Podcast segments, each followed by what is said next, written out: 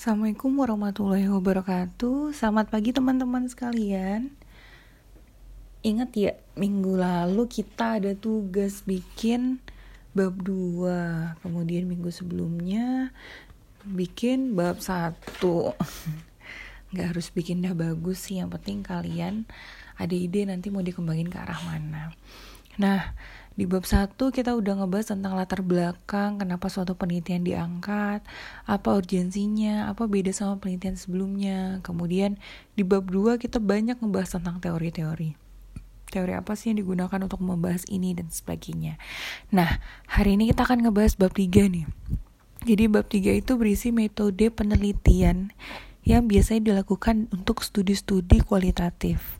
Hari ini saya akan menjelaskan tentang metode penelitian kualitatif dengan fenomenologis. Oke, udah dibuka slide-nya? Oke, next slide. Fenomenologi adalah sebuah kerangka kerja untuk memberikan pemahaman kualitatif tentang pengalaman manusia. Jadi ada keywordnya di sini pengalaman atau fenomena yang dialami manusia. Dia berfokus pada makna pengalaman manusia atau fenomena. Contohnya kayak kemarin, bagaimana sih orang-orang yang pernah menjadi uh, korban kekerasan seksual berusaha untuk bangkit lagi. Nah, itu menggali pengalaman dengan fenomenologi. Penelitian fenomenologis fokus menggambarkan kesamaan yang dimiliki partisipan saat mereka mengalami fenomena tertentu. Jadi biasanya partisipannya lebih dari satu orang, kemudian kita bisa membuat satu kesimpulan, mencari kesamaan antara partisipan satu dengan partisipan lainnya dalam menghadapi fenomena apa gitu. Oke, next slide. Tujuan utama fenomenologi adalah untuk mereduksi pengalaman individu dalam suatu fenomena menjadi sebuah deskripsi tentang esensi secara universal gitu. Jadi uh, memang yang mengalami itu hanya satu orang atau dua orang. Namun dari satu atau dua orang itu kita bisa mengambil kesimpulan universal gitu. Dapat deskripsi universal tentang apa sih yang sebenarnya mereka alami. Nah, untuk tujuan tersebut, peneliti kualitatif mengidentifikasi sebuah fenomena yaitu objek dari pengalaman manusia seperti resiliensi, toleransi, kebersyukuran, subjective well-being, flow, olahraga, pengalaman puncak, dan sebagainya. Jadi mereka mencari fenomena kemudian diteliti. Pertanyaan penelitiannya biasanya apa aja sih? Nih di next slide. Apa makna inti dari sebuah pengalaman? Apa sih esensi dari menjadi ibu yang bekerja gitu. Yang kedua, contoh lainnya adalah apa sih esensi dari toleransi dengan orang-orang yang berbeda etnik dengan kita atau berbeda agama dengan kita dan sebagainya. Apa esensi dari olahraga bersepeda setiap minggu pagi dan lain-lain. Nah, dari pengalaman orang-orang yang mengalami itu, kita coba untuk gali dalam wawancara, kemudian observasi. Nah, akhirnya kita bisa mendapatkan kesamaan di antara beberapa partisipan terus kita bisa bikin kesimpulan yang universal. Next slide. Ada beberapa asumsi dalam penelitian fenomenologis. Yang pertama, ahli fenomenologi berasumsi bahwa pengalaman manusia pada dasarnya sifatnya subjektif. Jadi, setiap pengalaman individu itu berbeda-beda gitu. Karena berbeda-beda sehingga ya semuanya sifatnya unik gitu. Di dalam pengalaman subjektif ini terdapat struktur penting yang menjadi ciri pengalaman tersebut. Nah, ini jadi contohnya resiliensi pada eh, orang-orang uh, yang menjadi korban tsunami gitu. Nah, ada ciri tertentu tuh yang menyebabkan kenapa mereka bisa lebih cepat resilient atau lebih cepat bangkit lagi daripada yang lain misalkan kayak gitu. Cara untuk mendapatkan akses ke struktur ini adalah melalui deskripsi pengalaman. Ya, jadi kita bertanya ke mereka dalam wawancara dan sebagainya untuk dapat deskripsi pengalaman apa sih yang sebenarnya mereka jalani. Seperti itu. Next slide. Fenomenologi Peneliti mengumpulkan data dari orang-orang yang mengalami fenomena yang sama dan mengembangkan sebuah deskripsi gabungan berisi esensi dari pengalaman semua partisipan. Deskripsi tersebut berisi apa yang mereka alami dan bagaimana mereka mengalami hal tersebut. Jadi kita bertanya tentang gimana sih mereka melewati itu dan sebagainya. Next slide.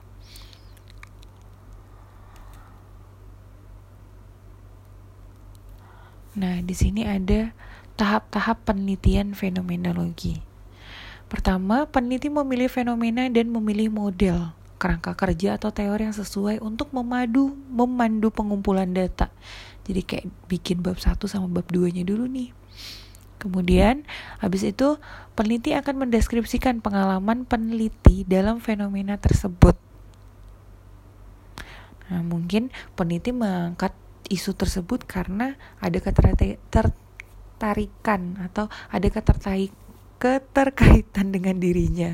Contohnya nih, fenomena orang-orang yang sering bersepeda. Mungkin peneliti juga suka bersepeda sehingga dia bisa menceritakan pengalamannya dia. Kemudian peserta diwawancarai, peneliti mengurung pengalamannya sendiri.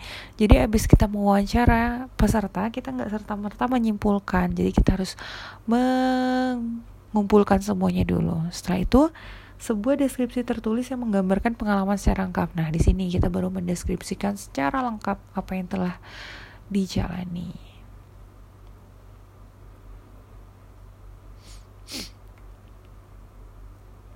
Nah, ada istilahnya bracketing pada penelitian kualitatif yang fenomenologis.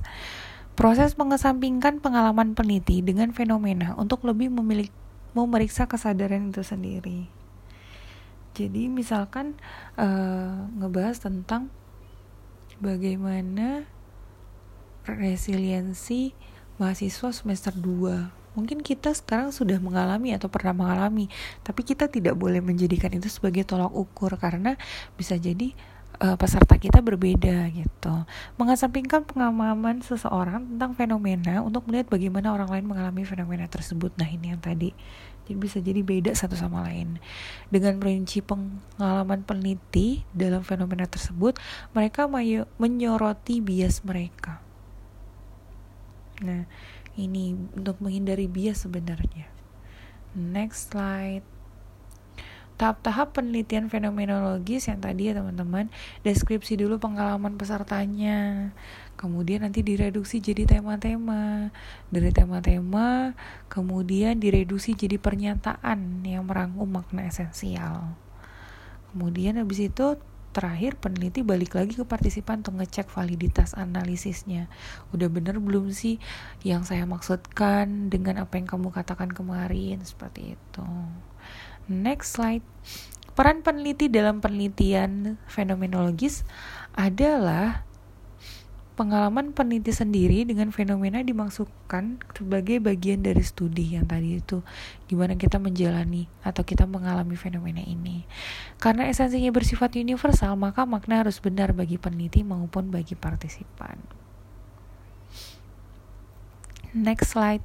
Nah ini kelihatan ada tiga diagram nih teman-teman jadi partisipan satu, partisipan dua, sama peneliti. Di tengah-tengahnya ada warna oranye. Nah, di sini bagian uh, hasil penelitian itu benar menurut tiga sudut pandang.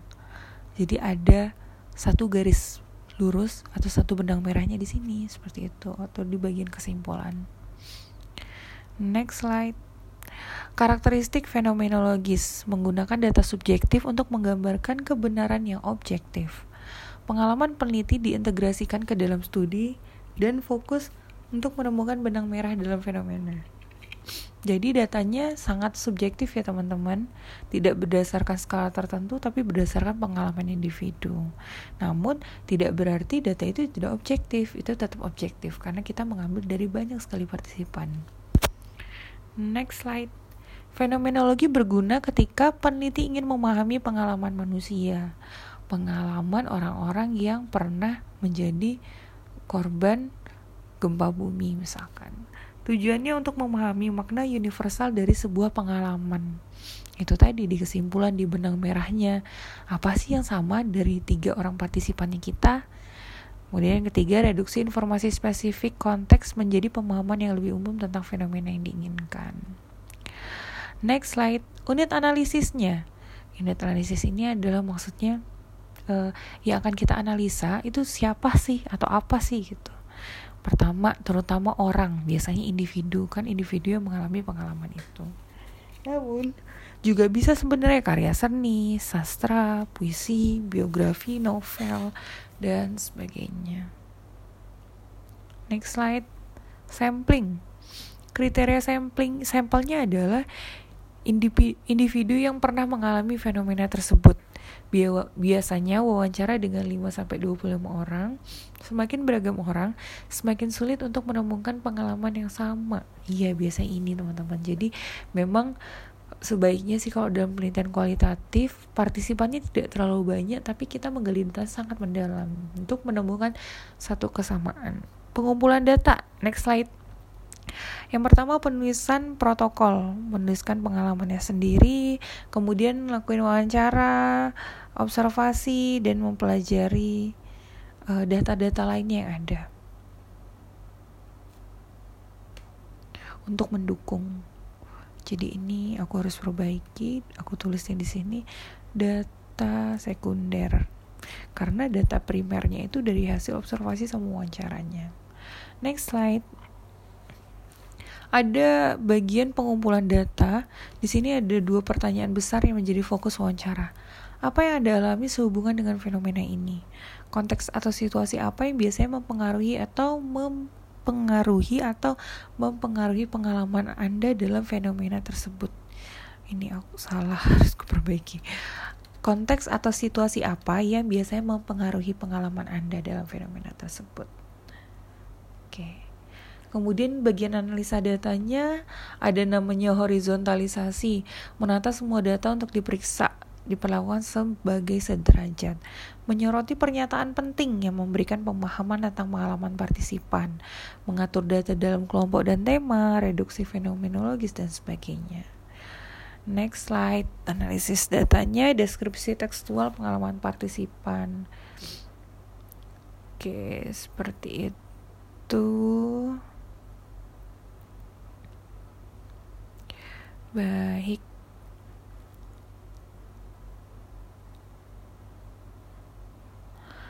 Oke, tapi di bagian analisa data ini nanti kalian tidak perlu sih. Mungkin kalau di dalam proposal tinggal dituliskan kira-kira nanti akan dianalisa data dengan apa gitu. Tapi gak harus lengkap yang kayak uh, ini nanti analisa datanya ya dituliskan, dituliskan metodenya tuh pakai ini misalkan fenomenologis kemudian analisa data digunakan dengan apa gitu tapi nggak harus terlalu rinci Oke, sekian kuliah hari ini. Selamat lanjutkan aktivitas untuk minggu ini. Selamat, kalian tidak ada PR. Oke, wabillahi taufiq wal hidayah. Wassalamualaikum warahmatullahi wabarakatuh. Waalaikumsalam warahmatullahi wabarakatuh.